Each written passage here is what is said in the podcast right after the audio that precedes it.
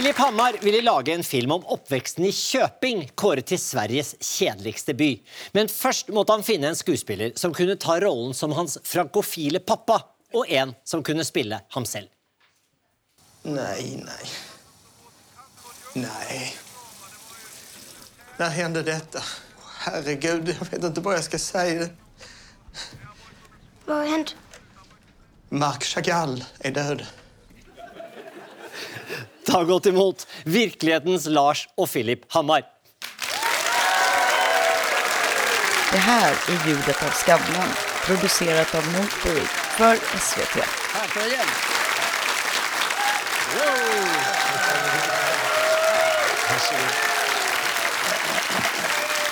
Skönt. Det- Först, Välkommen. tack. Första, första delen av det här gick bra. Pappa har pratat om hur ska man sätta sig i de här stolarna och Skavlan. Är det snurrstolar? Eller det, har, pågått en hel vecka. Og du, du, har- du har forberedt deg for det her, altså? Ja, men det, det- bara det där praktiska då med stolarna och eh, var man ska gå och sådär. Jag börjar vingla lite grann. Han sa det innan, sa pappa själv. Det här kan bli som hundraåringen som hoppade ut genom en tv-studio och försvann. Varför? Det är roligt för att det var, var i, när, när, vi, när ni frågade om vi ville vara med så, ja, så tyckte jag det var kul. Och så tänkte jag inte på det på så många dagar. Så fick jag ett mess av pappa där det stod Hej, det är pappa. Eh, ring vid tillfälle, måste prata med dig. Och när man får såna mess av en åldrad människa så tänker man direkt vad fan har hänt nu? Och du vet, hjärtat börjar slå och man kallsvettas. Vad är det nu? Ska han berätta att han har brutit lårbenshalsen eller någonting? Eh, men då var det bara, ja, ja de har ringt från Skavlan. Eh, vad, vad, vad är nu detta? Och så hör man mamma i bakgrunden som skriker Han ska vara med! Han ska vara med! Och så så att, eh, det, det, det är... Men sen, sen har han bara klippt sig och köpt fina kläder. Jag tycker det är Ja, så det tycker jag det veldig pris på. Vanligtvis ärver han mina kläder. Han brukar ha mina gamla kläder. Första blazern på 20 år. Men, gre men greien er det at dette er jo en sann historie, denne filmen, 'Tårtgeneralen', som eh, Philip har gjort. Og Den handler jo om en oppvekst der du s- var med. Absolut. Og, og du fremstilles jo da som denne frankofile pappaen. Var du virkelig så kjær i alt, eller er du så kjær i alt som er fransk? Men jag var eh, otroligt fascinerad. Jag vet egentligen inte riktigt varför, hur det började. Men eh, vet, min, eh, min mor hon eh, drog på mig en basker redan vid sexårsåldern. Och jag vet liksom inte om det kan vara det som har påverkat. Det börjar kanske där. En sån här, I alla fall det där, nej men det, det blev en passion för mig. Och, eh, sen så kom det till realskolan. Det var, I realskolan på min tid så måste man läsa eh, franska för att kunna gå till gymnasiet. Och då eh, så gjorde jag ju det. Och då jag blev nästan förälskad i en lärobok. Den här franska läroboken, den fanns där hela ovanligt. Ja, tiden. Uvanlig. Det er Jeg vel ble kanskje aldri, litt aldri pusselig. så forelsket i den franske læreboken. Men, Det kan jag förstå. men du, eh, disse baskerne, eller Ja. alpelue som vi sier i Norge, du har flere av de? Jo, men det, det, det, var ju så här att den här basken som jag nu tog upp, den har förföljt mig då. Och sen så blev det som en sport för mig att köpa en basker varje år under en 20-årsperiod. Vilken märklig sport. Det- det? Det? det- är ingen sport. Men det. Nej, men eh, jag, Tradition. Jag fick röra på mig. Ja. Och då så, eh, vad heter det, träffade jag den här gamle mannen i, i en eh, mussaffär i, i Nissa. Och när jag kom sista gången, när jag köpte den 20, då satt han på en stol och var ganska gammal. Och, förlåt mig, och när jag sen kom året efter, då var han död. Men då hade jag mina 20 baskar hemma. Va? Och då är ju, baskerna är fenomenal på det sättet, för det finns ju det som man säger, en militant basker. Ja. Och det, det är inte mina, det är de som ska skjuta på gerillaskogen. Och så finns det den intellektuella baskern då när den ligger ända ner över axeln. Så Ja. Det är inte min den heller. Och sen finns det en så kallad jazz jazzbaskern. Och det är de här är coola killarna. Som är. Min är, så finns det en som heter läroverkslärarbaskern. Men En liten trång liksom som jag sätter ner här. Og det er din. Ja, det. och min, min, jag tror min ligger mellan den intellektuella, den svallande och den här. Men alle dine? For du har jo en hel, du har en hel Ja, jag brukar variera mig och ibland tror jag nästan att huvudet växer för jag får klippa upp dem ibland. Men du, men du, du, du, du, du, elsker, du elsker du fransk vin og fransk Och sen mat? finns ju allt det där klassiska, alltså litteraturen, kulturen, maten och, och vinet och alltihopa som jag är väldigt fascinerad över. Det finns allt det där. Men det fanns också när jag kom ner första gången till Frankrike och mötte en form av individualism som jag inte hade växt upp under i Sverige. Men en positiv individualism där varje liten fransman är en president på något sätt. Det var inte så svenskt. Eh, och det måste ha fascinerat mig eftersom jag då växte upp på Österlen och det var, eh, man kunde inte göra vad som helst och pressen styrde byn. Eh, press, inte pressen utan prästen.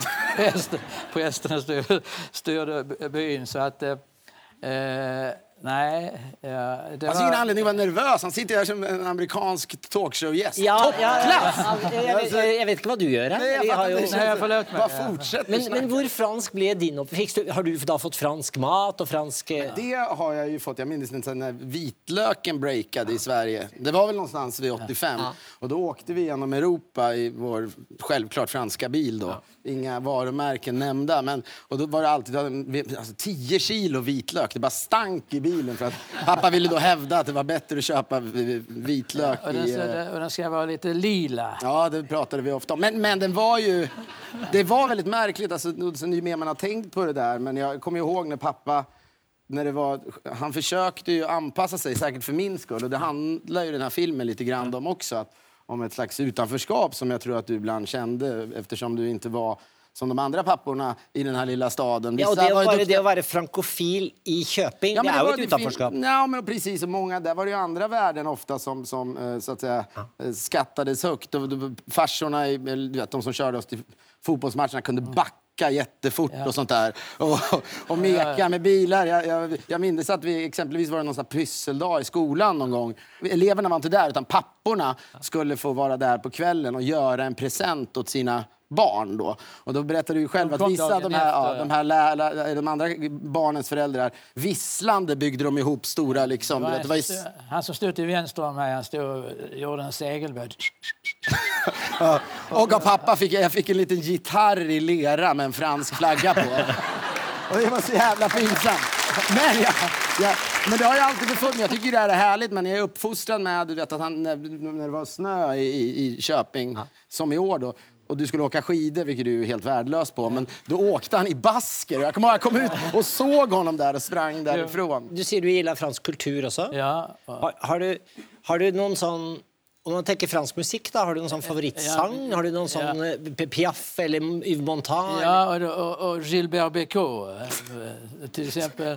Det är helt surrealistiskt att att- sitta i det här sammanhanget och och då, och om då, i alla fall, då, då, då kan jag faktiskt sjunga en strof där. Eh, för- Gärna. Det, det finns det plass for. Alltså den här känner ni kanske igen. L'important, c'est la rose, l'important. C'est la rose, l'important. C'est la rose, crois-moi. L'important, c'est la rose, l'important. C'est la rose, l'important. C'est la rose, crois-moi. Det var alltså Gilbert Bécaud. Han, men det där var ju, han och jag turnerade ju inom citattecken runt i, på alltså förskolor i, då, i Västra Mälardalen. Där han tvingade med, det var ju nästan något slags utnyttjande av barn. Det var på gränsen att det var okej. Där jag åkte med som hans, på något sätt, wingman som man For det skal säger. sies, Din far er jo lærer. Ja. Ja. men då åkte vi runt och så var jag med då som något slags du vet, eh, kastratsångare. Eller alltså ett barn som inte hade kommit ihåg Måtte, måtte du ha basker? då hade jag basker och så skulle pappa sjunga någon låt som var om en, den här, det- som handlade om en, en, eh, vad heter det, Tom Moulin, vad betyder Ja, det? alltså, din kvarn, din, Din kvarn ja. går för fort och så skulle vi sjunga Tom Moulin, Tom Moulin, va trop vite, Tom Moulin, Tom Moulin, va trop fort, Tom Moulin, Tom Moulin, va trop vite. Och det gjorde vi. Och det sjuka var, det här är det absolut sjukaste, men alltså stod han och försökte då övertyga barn i liksom Ja. tioårsåldern om hur bra Frankrike var. Ni ska inte bo i det här skitlandet och sånt där. Så.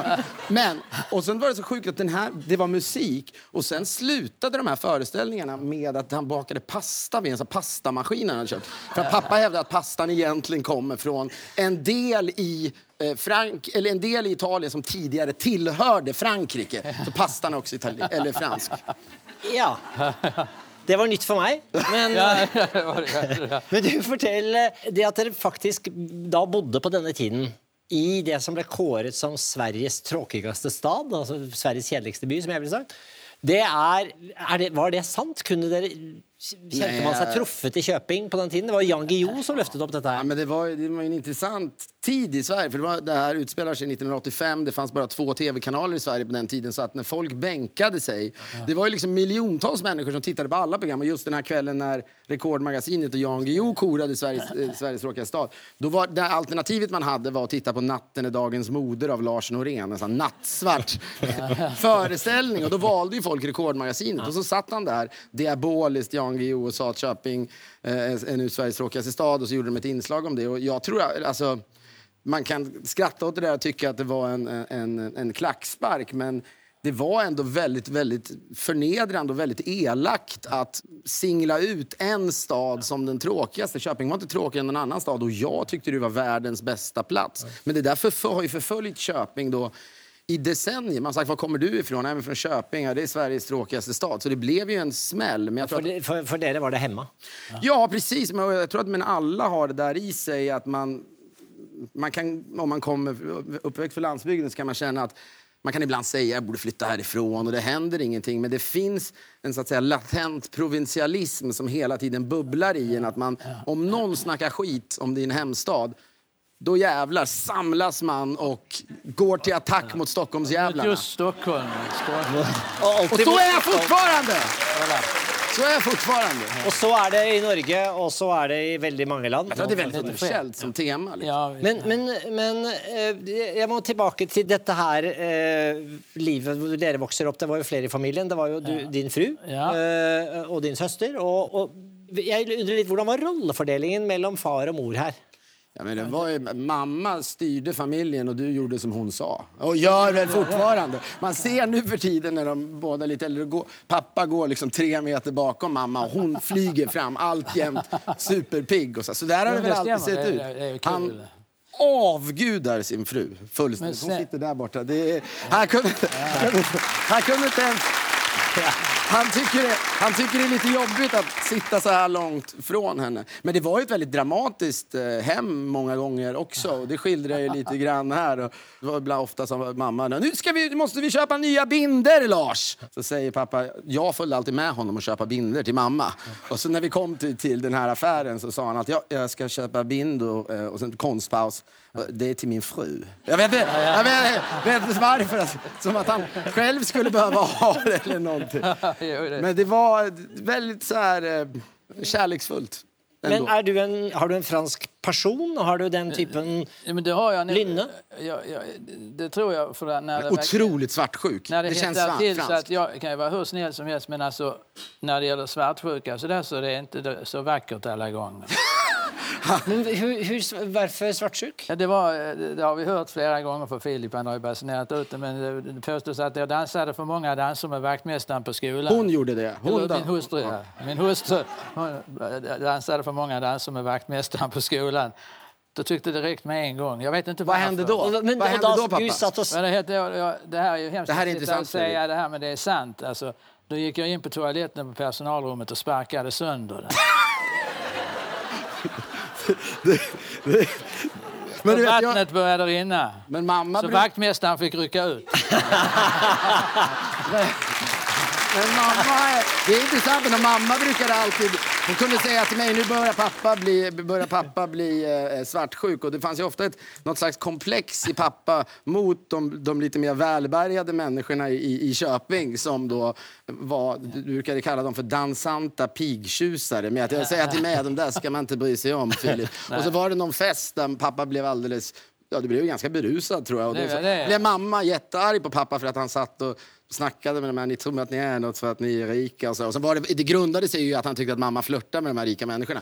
Mamma går hem först, pappa kommer en halvtimme senare. Då har han ramlat och slagit näsan i trottoaren och det bara sprutar blod. Och när han kommer hem så öppnar inte mamma dörren till honom. Och så säger och Tina, liv." Tina, Tina, säger hon. Trots att han har ett helt blodigt ansikte så vägrar mamma öppna dörren. Så han fick stå där ute på terrassen hela natten. Jättedramatisk, da. Herregud. Ja, Dagen efter, sen, två dagar senare, började skolan och då kom pappa in och skulle vara lärare, en ny klass. Och så sa han, mitt namn är Lars Hammar och ser ungefär ut så här. Så var hela ansiktet förställt.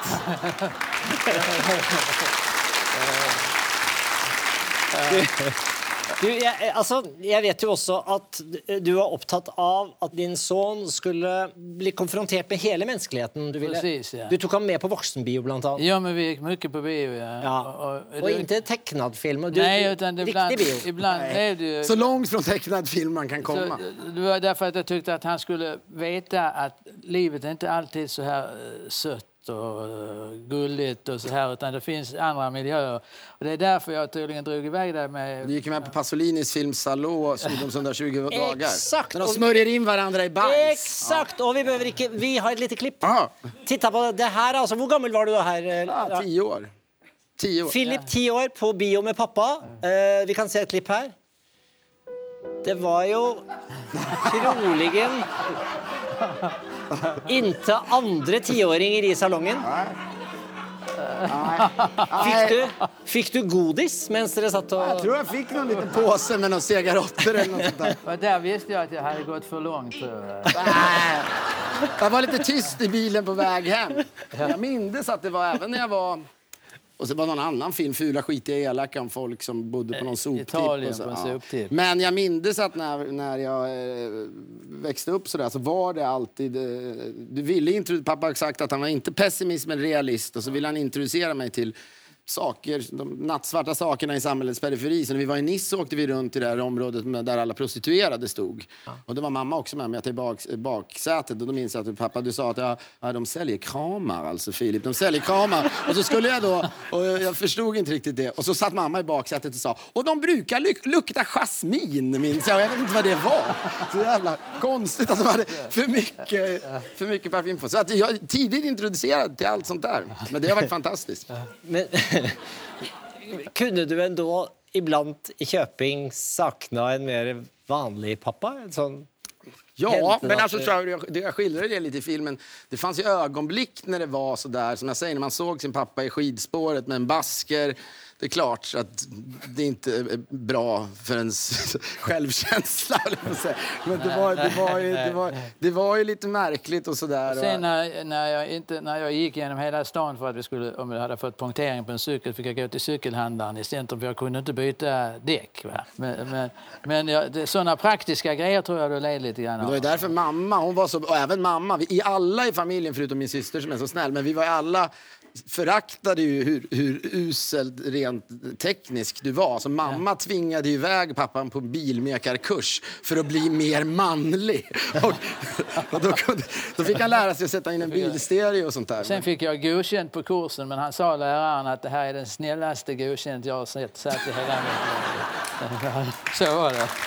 Men han är, han är också så artig min pappa. Min pappa Ja. är så artig så att han... Ja, jeg tenker også veldig artig. Kan du iblant være for artig? I- Ibland kan jag känna, känna kanske att jag är lite för social. Ibland jag känner, att, jag känner att jag måste prata med vissa människor för annars kan de tro att jag har blivit stöddig.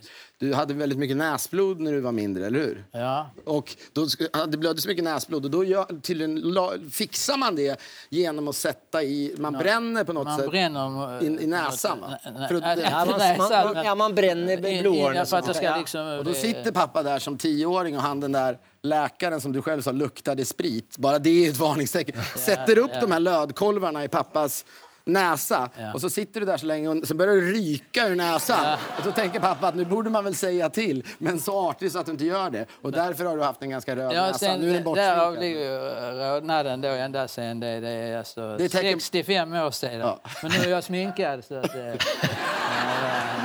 Mamma kan se det på sociala medier. Pass, passer du på å si til din pappa hva du kjenner for ham? Ja, alltså...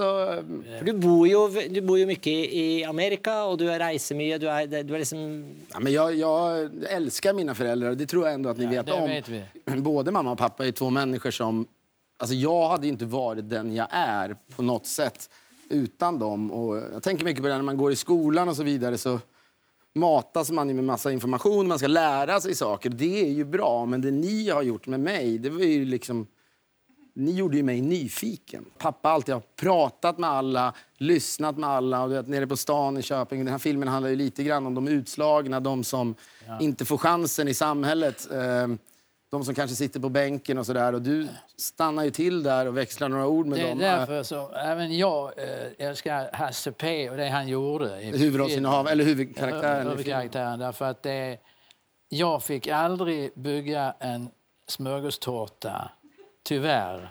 Jag vet inte, men eh, det fick Hasse P. Handlingen i filmen handler jo mest Ja, om han ja. eh, eh, og denne smørgåstårtaen, som Ja. er jo en sann historie. Eh, Ja, Ja, gud ja. ja. Köping skal eh, settes Ja, på kartet precis, som, ja. eh, med en rekord i Guinness rekordbok, nemlig verdens Ja. smørgåstårte. Och de som kom er från Guinness rekordbok. Kom. Ja, ja det, det är det filmen handlar om. Som är då en, en, en, skulle vara det som gjorde att Köping kom upp på fötter igen efter det här eh, nederlaget i Rekordmagasinet. Och det är ju liksom... De kom upp på fötter av det. Det kan ju verka, verka barockt, ett ord du lärde mig tidigt. För att folk kan slå upp det. Eh, Det var alltid det här, barockt. Det var allt möjligt när jag inte ville borsta tänderna. Många, när jag själv är med min son så säger jag så här, borsta tänderna. Och du sa, det är barockt att du inte vill borsta tänderna nu. Ba- bare fortell meg til slutt eh, det, at, det at du jo kjenner at eh, Du er blitt eldre. Ja, absolut. Eh, Fråga honom. Han, känner, han tror ju att han ska dö varje dag. Ja, gör du? det Du kanske känner- jag inte gör, men jag känner att jag har blivit... eh, Att jag är ledsen att jag inte... Jag tyckte jag skulle kunna vara lite mer... slå, slå sönder toalettet. Ja, ja, ja. Det är slut. Det är ett tecken på eh, att... Men ja, det är intressant att jag fick, något, jag fick ett mejl nyligen från en, en människa som jobbar som läkare i Mexiko. Och då kan man, där kan man nog tydligt... Nu, det, det som är framtiden är ju stamceller. Va? Att man kan få lite dropp med lite stamceller så blir man 20 år yngre. Så jag funderar på att ta med det ner till Mexiko nu när jag hörde det är lite försökskaninsläge på det här. Men jag tänkte, det kan inte bli, åldrandet kan inte liksom galoppera mer. Så att, Nej. det vore väl kul. Absolut. Det är tydligen en endagarsgrej. För, det ska sägas, jag tror att det här är mitt sätt att hantera det här också. Det tror jag kanske många känner igen sig i vad det gäller föräldrar. Och det tror jag du vet. Ibland så kan jag bli arg på pappa och hans hållning och säga nu reser du dig upp och du får inte bli gammal. Men det handlar ju om min Jo. rädsla för att jag vill att du ska vara med så länge som möjligt. Ja, man, Jo, men vi- Det är om den här liksom sk- skräcken jag känner för att du en dag inte finns eller någon annan. nej. Det yttrar sig att jag ibland är irriterad på. Jag menar Jag vet, ingenting jag pappa, jag, det. älskar dig. Nej, men det... det, det, det men eh, kärleken, när vi är inne på det, det är den starkaste kraften i samhället. Det börjar med förälskelsen, en enorm förälskelse en gång i tiden, 47 år sedan. Va? Det för ju också med sig en väldig oro. Jag menar, har man en äventyrlig son som Filip som snurrar omkring överallt och är tidsoptimist, va? Då, då, då så kan man liksom... Eh, då blir man, eh, ibland kan man inte sova. Så, här. Det, så att kärleken har ju alltid ett pris. Kärleken har alltid ett pris. Va? Han sa det alltid ibland till mig, jag ska, jag ska inte snacka mer nu, men du sa ju ofta det, vilket också är absurt, att så här, jag är inte säker på att det var helt rätt att skaffa barn just för att kärleken har ett högt pris, att det är jobbigt. Och så brukade pappa säga, hade jag, ofta pratade i termer, om jag inte hade haft barn så hade jag varit uteliggare. Var tror du? I vilken stad? Köping. Nej, Paris såklart! såklart.